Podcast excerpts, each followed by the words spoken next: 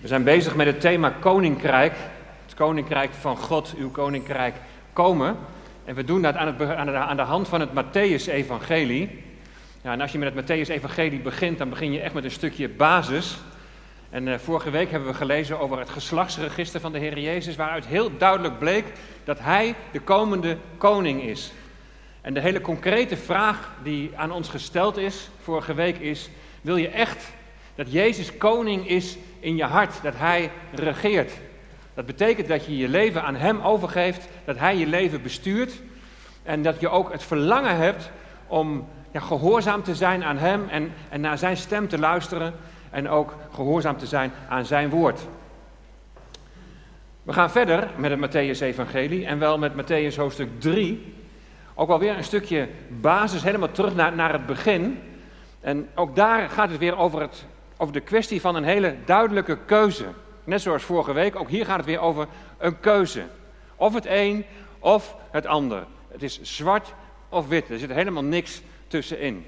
We gaan samen lezen Matthäus 3 vanaf vers 1.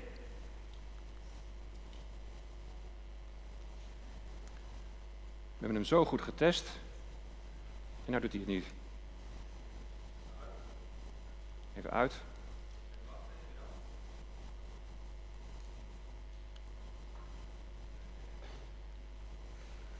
Nee, doet niks.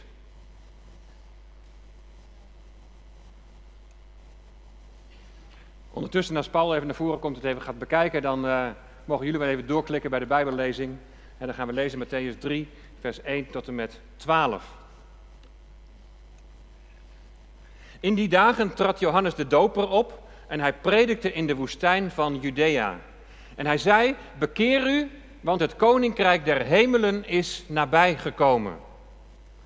Want deze is het over wie gesproken werd door de profeet Jezaja toen hij zei: De stem van iemand die roept in de woestijn: Maak de weg van de Heere gereed, maak zijn paden recht. En deze Johannes, die had kleding van kameelhaar en een leren gordel om zijn middel.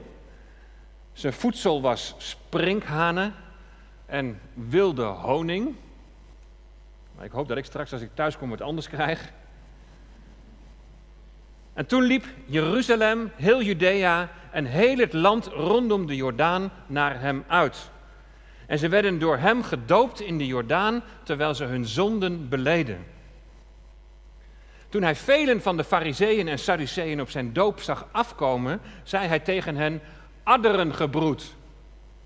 Wie heeft u laten weten dat u moet vluchten voor de komende toren? Breng dan vruchten voort in overeenstemming met de bekering.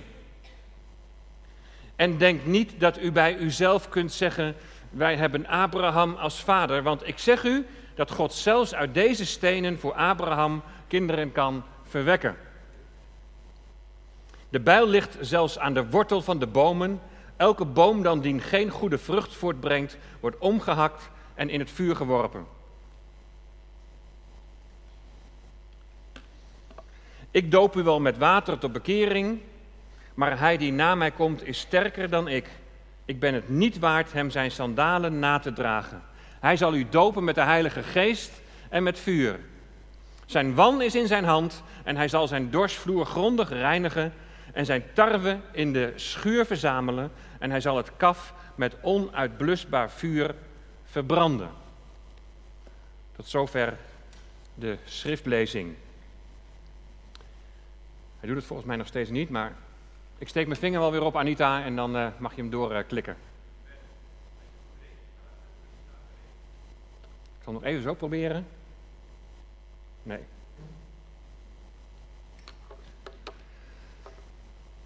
Ik had de preek voor vandaag, had ik ruim een week geleden al klaar. Al bijna klaar. En ik was afgelopen woensdag met, met, met de afronding bezig. Maar soms krijgt alles ineens een andere wending.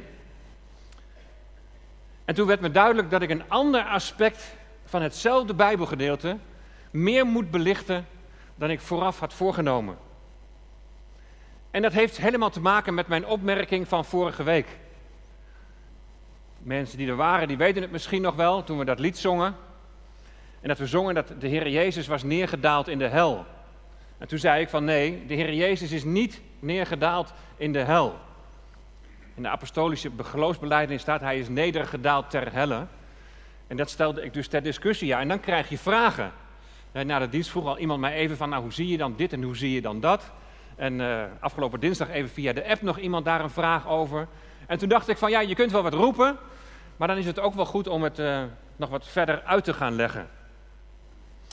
Het schriftgedeelte blijft hetzelfde, want dat leent zich daar uitstekend voor. En niet dat, dat het direct antwoord geeft op de vraag of de Heer Jezus nou echt in de hel is geweest, maar het gaat hier wel heel duidelijk over het behoud van de gelovigen en het oordeel over de goddelozen. De mensen die van God los zijn, die, die geen relatie met God hebben. Waar ga je heen als je sterft? En ook daar krijg ik wel vaker vragen over. Ik denk ook een hele belangrijke vraag. Want we weten dat ons leven zomaar van de ene op de andere dag voorbij kan zijn. En we zijn daar in de gemeente heel hard mee geconfronteerd door het overlijden van Jacques. En ik merk zo in de gemeente hoeveel impact dat heeft. En we er nog steeds met elkaar over praten en het nog steeds niet kunnen vatten. Op mijn bureau ligt de liturgie met zijn foto en af en toe kijk ik dan nog weer eens even en dan denk ik van, het kan toch niet waar zijn? Zomaar in een fractie van een seconde. En denk maar aan de gebeurtenissen van afgelopen week op de Bahama's.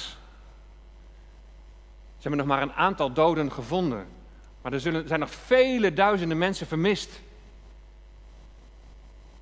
Waar ga jij heen?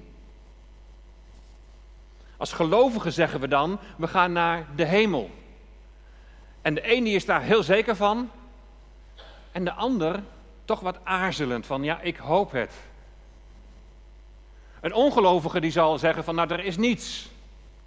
Of, ik heb geen idee. Toen ik een paar jaar geleden in groep 8 van de lichtboei was ter voorbereiding op een kerkschool gezinsdienst, toen vroeg een van de kinderen in de klas: Waar ga je heen als je niet in Jezus gelooft? Toen was er gelijk een van de andere kinderen die antwoord gaf: Dan ga je naar de hel. Hemel en hel. Kunnen wij daar als eenvoudige aardse mensen die slechts beperkt kunnen denken in kaders van tijd en ruimte, kunnen we daar wel iets zinnigs over zeggen? de Bijbel spreekt over de hemel, de Bijbel spreekt ook over de hel, de Gehenna. Maar daar wordt alleen maar over geschreven in de evangeliën. Ja, en één tekst in Jacobus. Ook wel een heel joods georiënteerd boek. Hé, hey, opmerkelijk. De Bijbel spreekt over het dodenrijk, over de Hades. En dat is niet hetzelfde als de hel. Ja, daar wordt ook in de evangeliën wel over gesproken. Helemaal niet in de brieven, net zoals de hel niet. En in openbaring, ja, een paar keer. We kennen misschien wel de term poel des vuurs. daar, denk, daar zien we ook dit, dit traditionele plaatje van de brede weg en de smalle weg. En aan het einde van de brede weg, de weg zonder God, zie je dan het vuur branden daarbovenaan. Poel des vuurs. Maar dat staat alleen maar in openbaring helemaal aan het eind. Zo makkelijk is het niet. De herziene statenvertaling die vertaalt dodenrijk met hel. Klopt niet. Er staat Hades en dan vertalen ze met hel. Dus ook als je teksten gaat lezen en zegt van ja, maar daar staat toch dat en dat. Ja, pas wel even op welke vertaling je hebt. Vanaf handelingen vertalen ze het dodenrijk met graf. En dan pas in openbaring, dan wordt Hades vertaald met het rijk van de dood, dus het, dodenrijk. Dus zo, zo simpel en zo makkelijk is het allemaal niet. Maar aan de andere kant, als de Bijbel erover spreekt, dan, dan, dan zullen we er toch iets meer van gewaar kunnen worden, neem ik aan. En ik realiseer me dat het verstaan van deze dingen, dat het slechts ten dele zal zijn. Maar laten we proberen in de kern te ontdekken waar het nou eigenlijk ten diepste om gaat. Waar ga jij heen als je sterft, als je leven voorbij is? En het hierbij stilstaan, dat zal voor de een zal dat ter bemoediging zijn, voor jezelf, maar ook als een geliefde in de Heer Jezus is gestorven. En voor een ander die Jezus niet kent of zegt, ik, ja, ik heb eigenlijk niks met dat geloof, zal het misschien wel, wel, wel heel confronterend zijn. Maar laat het ook, ook, ook een waarschuwing zijn. Waar ga je heen? Waar zul je straks zijn? Nou, laten we eerst maar eens kijken naar het Bijbelgedeelte dat we hebben gelezen. En je ziet daar direct de verbinding al tussen het Oude Testament en het Nieuwe Testament, zoals ik jullie vorige week ook heb laten zien. Want in Jesaja 40, vers 3, dat is 700 jaar voor Christus, voordat hij geboren werd, zien we dat Johannes al aangekondigd wordt. En dat wordt in Matthäus, wat we net hebben gelezen, wordt dat bevestigd. De stem van iemand die roept in de woestijn. Nou, niet uit, doe mijn vinger omhoog. Ja, dankjewel. De stem van iemand die roept in de woestijn, maakt de weg van de Heere gereed en maakt zijn paden recht.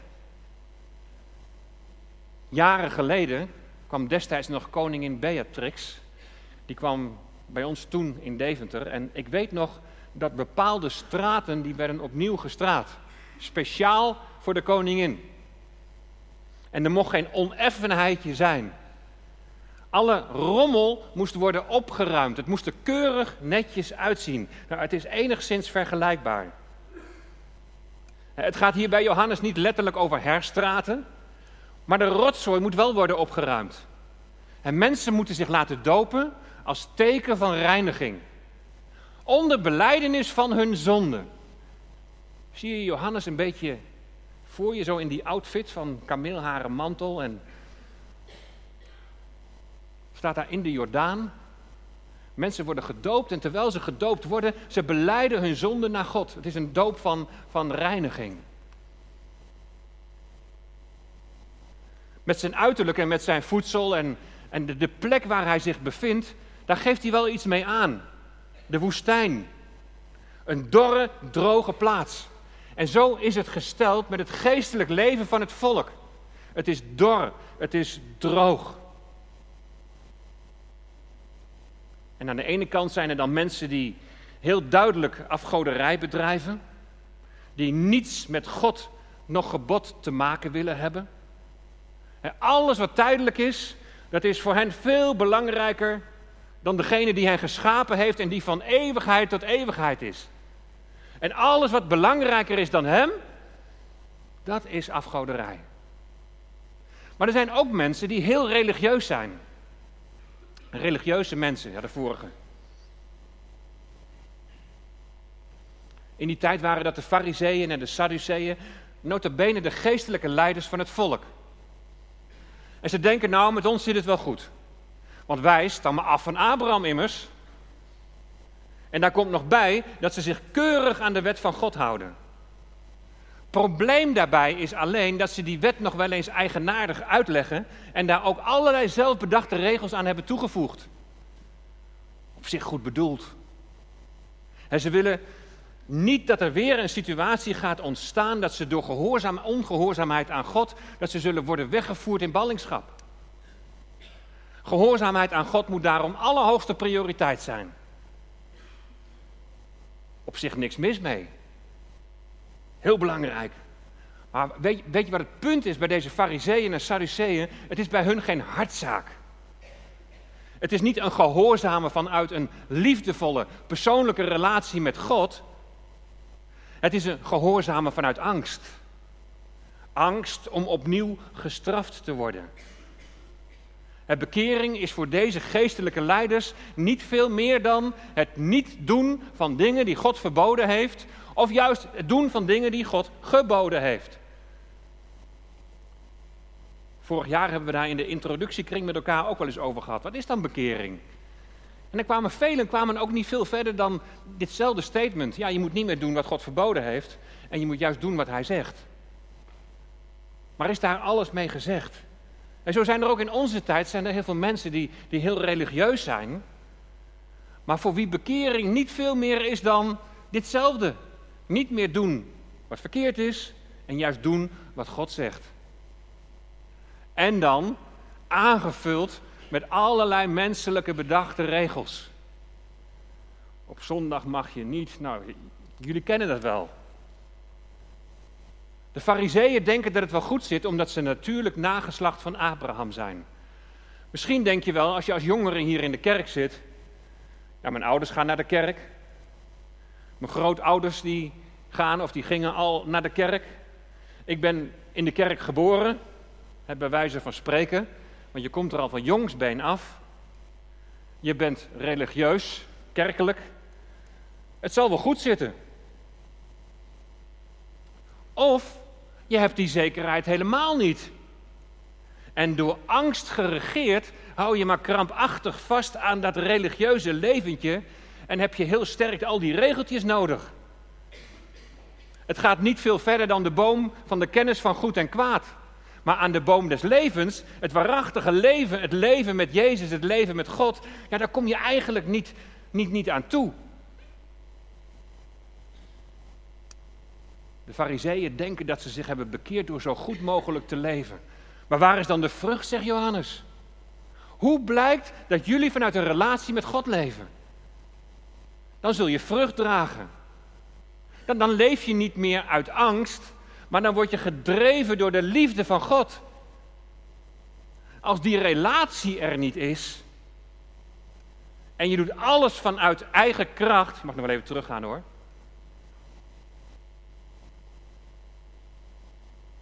Als je gedreven wordt door, door eigen kracht, ja, dan is er geen waarachtige bekering geweest. Je hebt je niet omgekeerd naar God om Hem je leven te laten besturen, maar je doet het nog steeds zelf. En dan wordt de boom omgehakt, hebben we gelezen, en in het vuur geworpen. Het omhakken van bomen en, en in het vuur werpen, dat wijst naar het oordeel over de mensen die van God los zijn, die geen relatie met Hem willen hebben. Bekering is noodzakelijk. Maar, maar, wat, wat, wat, is bekering nou eigenlijk? Vorige week zondag was ik bij een intrededienst in de Vrije Baptistengemeente in uh, Enschede. Die kregen een nieuwe voorganger. En daar zong een koor. En dat koor dat heet Metanoia. Op, de Urk, op Urk in de haven, daar ligt een kotter. En uh, broeders uit onze gemeente die zijn daarop aan het werk. En daar staat ook met grote letters op Metanoia. Nou, je kunt al zien, dat is het Griekse woord voor bekering. Maar de exacte betekenis van dat woord bekering is een verandering van denken die gepaard gaat met berouw. Een verandering van denken die gepaard gaat met berouw. Er komt iets in je gedachten. Er gaat iets knagen aan je geweten. En je weet, je gaat de verkeerde kant op. God, de schepper, die heeft helemaal geen plaats in je leven. Je leeft voor jezelf, voor je eigen geluk. En hij die jou gemaakt heeft, die jou terug wil winnen, die staat aan de kant. En daar krijg je spijt van. Een diep gevoel van berouw dat je God niet hebt gezocht. Dat je Hem die jou zoekt, dat je die negeert.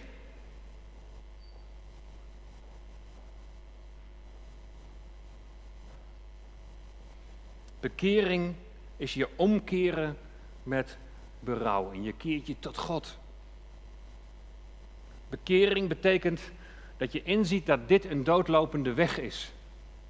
Die uiteindelijk leidt tot de dood, tot de eeuwige dood. Nu, maar ook straks eeuwig gescheiden van God. En natuurlijk, er zijn veel verkeerde dingen die je hebt gedaan, ook daar is berouw over. Maar ten diepste is het probleem je ongeloof. En je niet vertrouwen op God. Je gescheiden zijn van God is het probleem. En het gevolg daarvan is dat je, dat je verkeerde dingen doet die niet naar Gods wil zijn.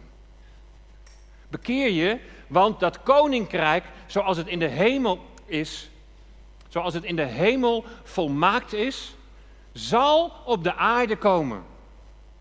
En let op, om in de hemel te komen moet je volmaakt zijn. Om in de hemel te komen moet je volmaakt zijn. Anders is de hemel niet meer volmaakt. Als Jezus straks komt om zijn koninkrijk te vestigen hier op aarde, zoals het in de hemel is. Nou, ik doe te vaak mijn vinger omhoog. Mag wel helemaal terug. Daar ja.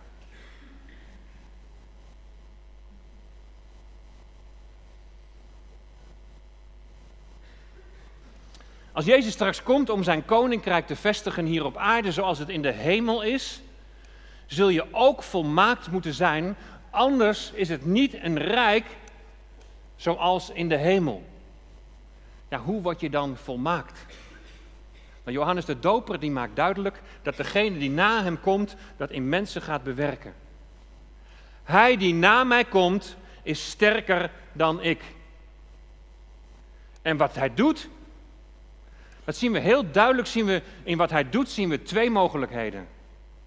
Of hij zal je dopen in de Heilige Geest, de volgende, of dopen betekent, of, en dopen betekent onderdompelen. Je wordt ondergedompeld in de geest, één gemaakt met Christus in zijn sterven en in zijn opstanding, verbonden met medegelovigen, één met Christus, ben je dan in Hem, ben je volmaakt. Geschikt gemaakt voor de hemel, omdat God de Vader jou aanziet in Jezus Christus. Waar ga jij naartoe? De andere optie is een doop in vuur. Nou, in, de in de context van het vorige vers dat over vuur gaat, gaat het hier in vers 11 over het vuur van het oordeel. Het vuur van de veroordeling van God over de goddelozen die van God los zijn.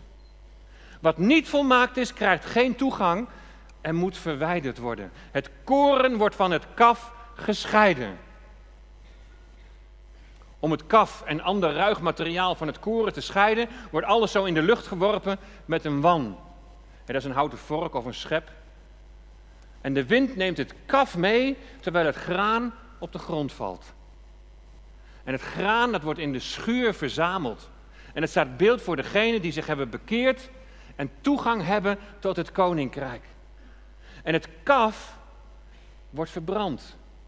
Het staat beeld voor de ongelovigen die ver van God verwijderd zijn en geen toegang hebben. Waar zul jij zijn na dit leven? Waar ga je naartoe? Daar waar God is?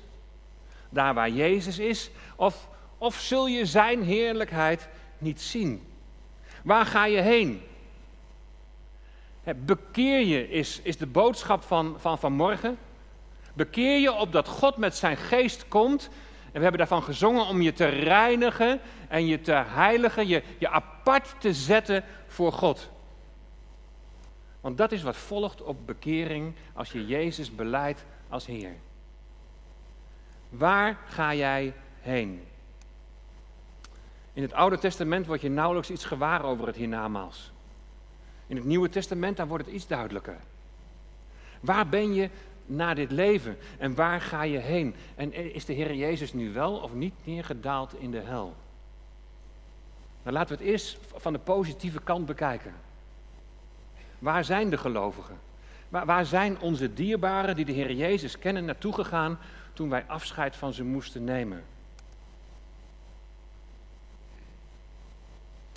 Paulus die schrijft in 2 Korinthe 12 vers 2 dat hij in een visioen is opgenomen in de derde hemel. En we kennen de wolkenhemel, één, en we kennen het heelal, twee. En we kennen ook de hemel als plaats waar God woont. De derde hemel. En dan schrijft hij in 2 Korinthe 12, vers 4, dat hij werd opgenomen in het paradijs. Dus hier zie je dat de begrippen hemel en paradijs, die komen met elkaar overeen. Wat zegt de Heer Jezus tegen de moordenaar aan het kruis als hij Jezus erkent? Heden zult gij met mij in het paradijs zijn. Van oorsprong is paradijs is een, is een oud Persisch woord. Dat omtuind of ommuurd betekent. De oude Hebreeën die namen dit woord van de oude Persen over en we komen het drie keer tegen in het Oude Testament. En het paradijs heeft drie kenmerken.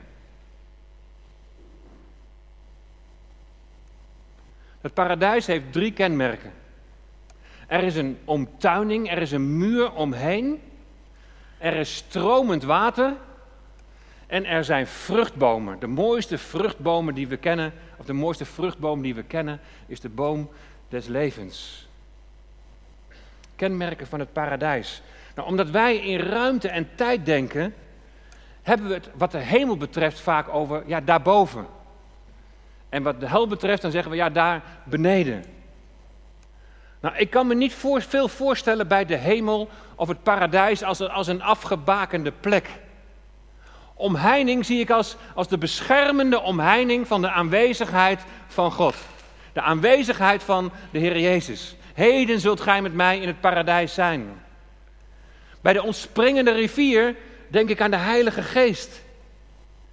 Die in de gelovige is als een stroom van levend water. Die in de, heilige, die in de gelovige is als een onderpand voor die eeuwige erfenis. Die toegang geeft tot. En de boom des levens ja, verwijst natuurlijk naar de Heer Jezus zelf.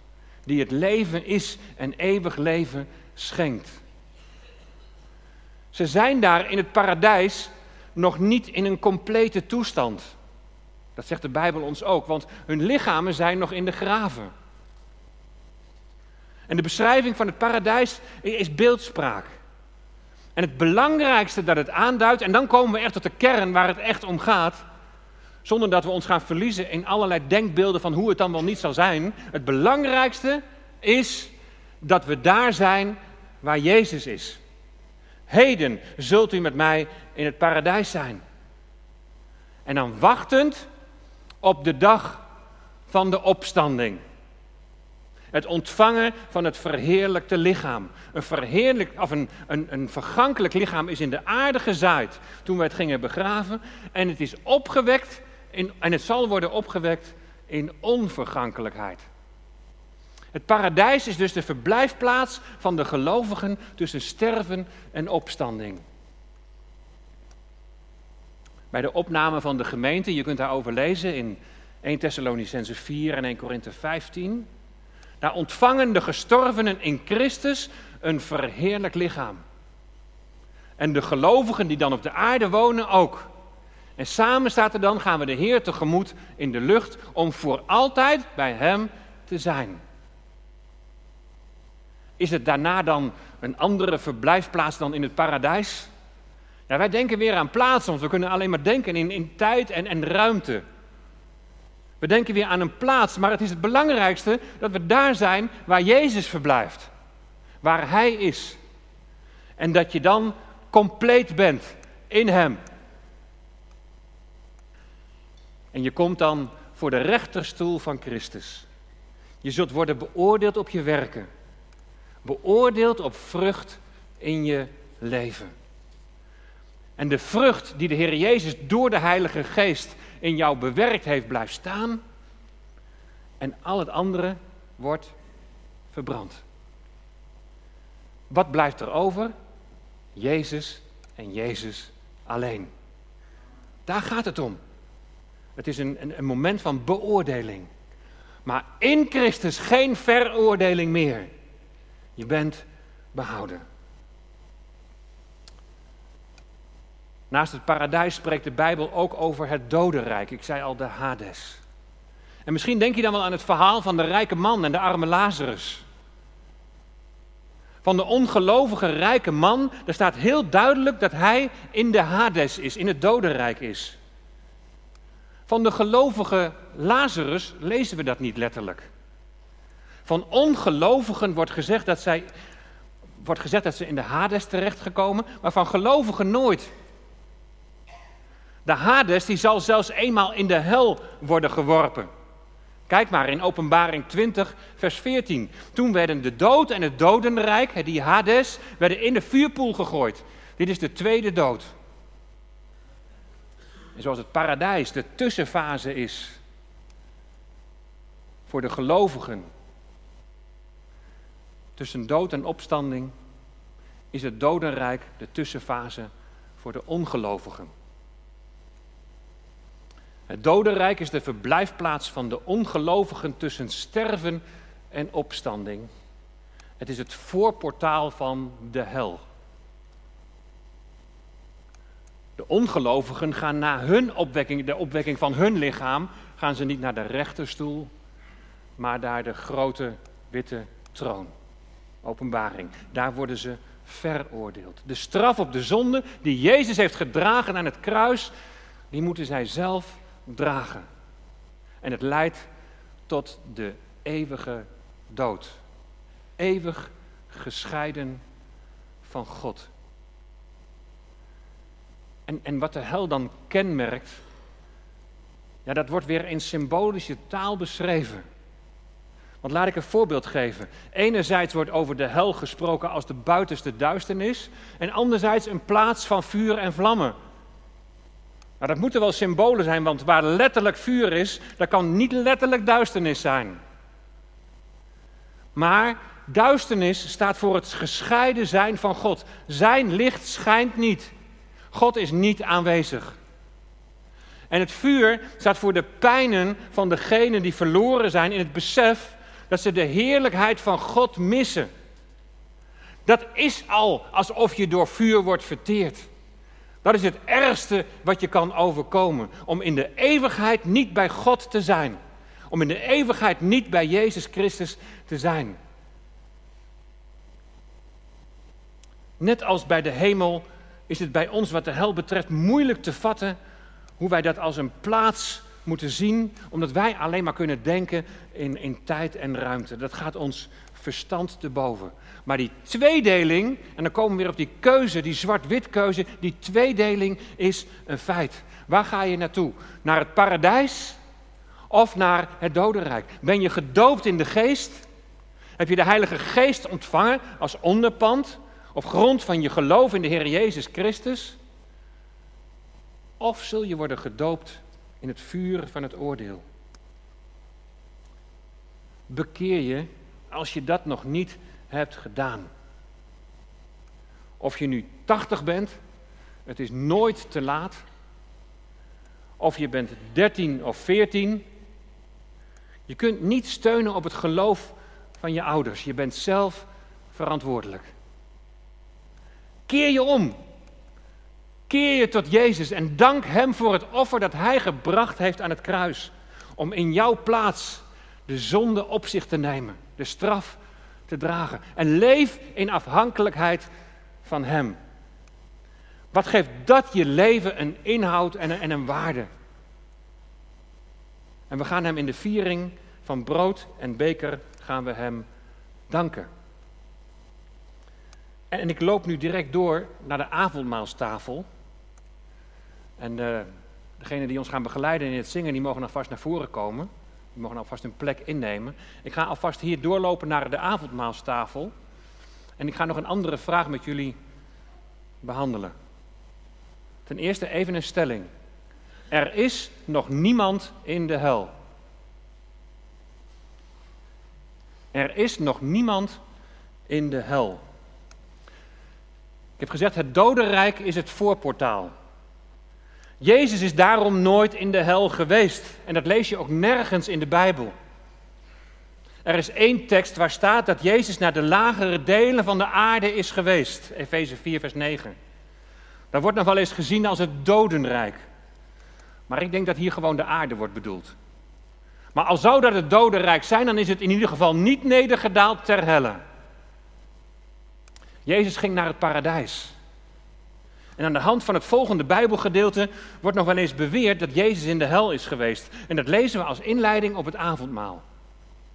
En dat is Matthäus 27, vers 45 en 46.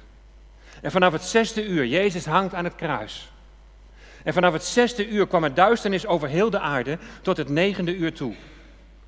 Ongeveer op het negende uur riep Jezus met luide stem: Eli, Emi, lama sabachthani. Dat betekent: Mijn God, mijn God, waarom hebt u mij verlaten?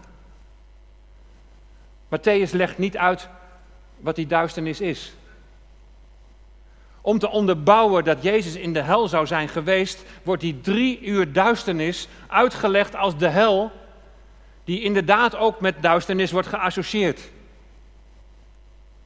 Zo wordt dat dan gezien. Van de Vader verlaten, overgegeven aan de machten van de hel. Duisternis heeft met oordeel te maken, duidelijk. Gods oordeel niet op jou, maar op de Heer Jezus. De duivel is dan toch niet in de hel. Hij is nog steeds de overste van deze wereld. Hij gaat rond als een brullende leeuw zoekende wie hij kan verslinden. Dat hij in de poel des vuurs wordt geworpen, eind openbaring. En was Jezus echt van de Vader verlaten? Lees eens mee wat Jezus tegen zijn discipelen zegt voor zijn kruisiging. In Johannes 16, vers 32. Dus voor zijn kruisiging zegt hij tegen zijn discipelen: Zie, de tijd komt en is nu gekomen dat u uiteengedreven zult worden. Ieder naar het zijne en u zult mij alleen laten. En toch ben ik niet alleen, omdat de Vader bij mij is. Klopt het dan niet wat, wat Jezus zegt? Waarom, waarom hebt gij mij verlaten? De Vader zou toch bij hem zijn? Maar zegt Jezus dat?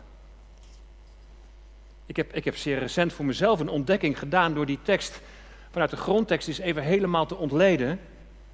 En zowel een, een hele bekende evangelische als een hele bekende reformatorische bron, die bevestigen wat ik ontdekte. Dat vond ik heel bijzonder. Waarom? Waarom? Je kunt vertalen met waarom, maar dan moet je wel bedenken dat het steeds een vraag naar een doel inhoudt. Dus het is eigenlijk veel makkelijker om dan direct te vertalen met waartoe. Waartoe? Waartoe?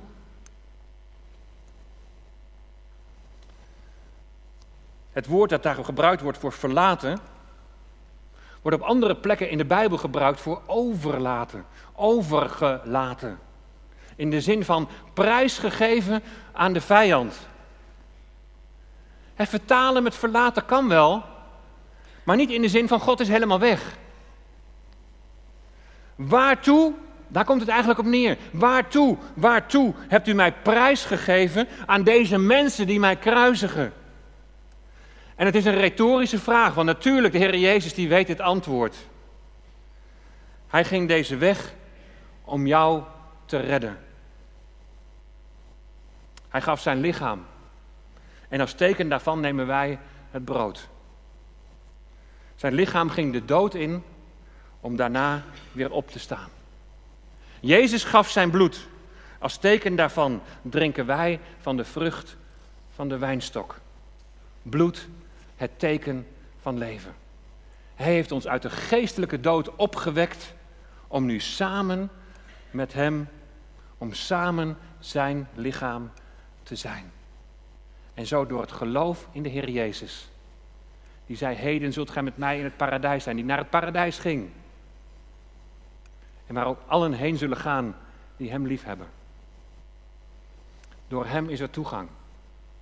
Hemelse Vader, door uw genade mag ik u naderen, dicht bij uw troon. En niet door mijn streven om rechtvaardig te leven, maar door het offer van uw zoon wordt mijn schuld weggedaan. Voor mensen die nog twijfelen, je kunt daar zelf niets in bewerken. Niet door jouw vroom leven, maar door het offer van de Heer Jezus aan het kruis. Mag ik rein voor u staan, door het bloed van het lam dat mij vrijmaakt. Mag ik uw huis binnengaan?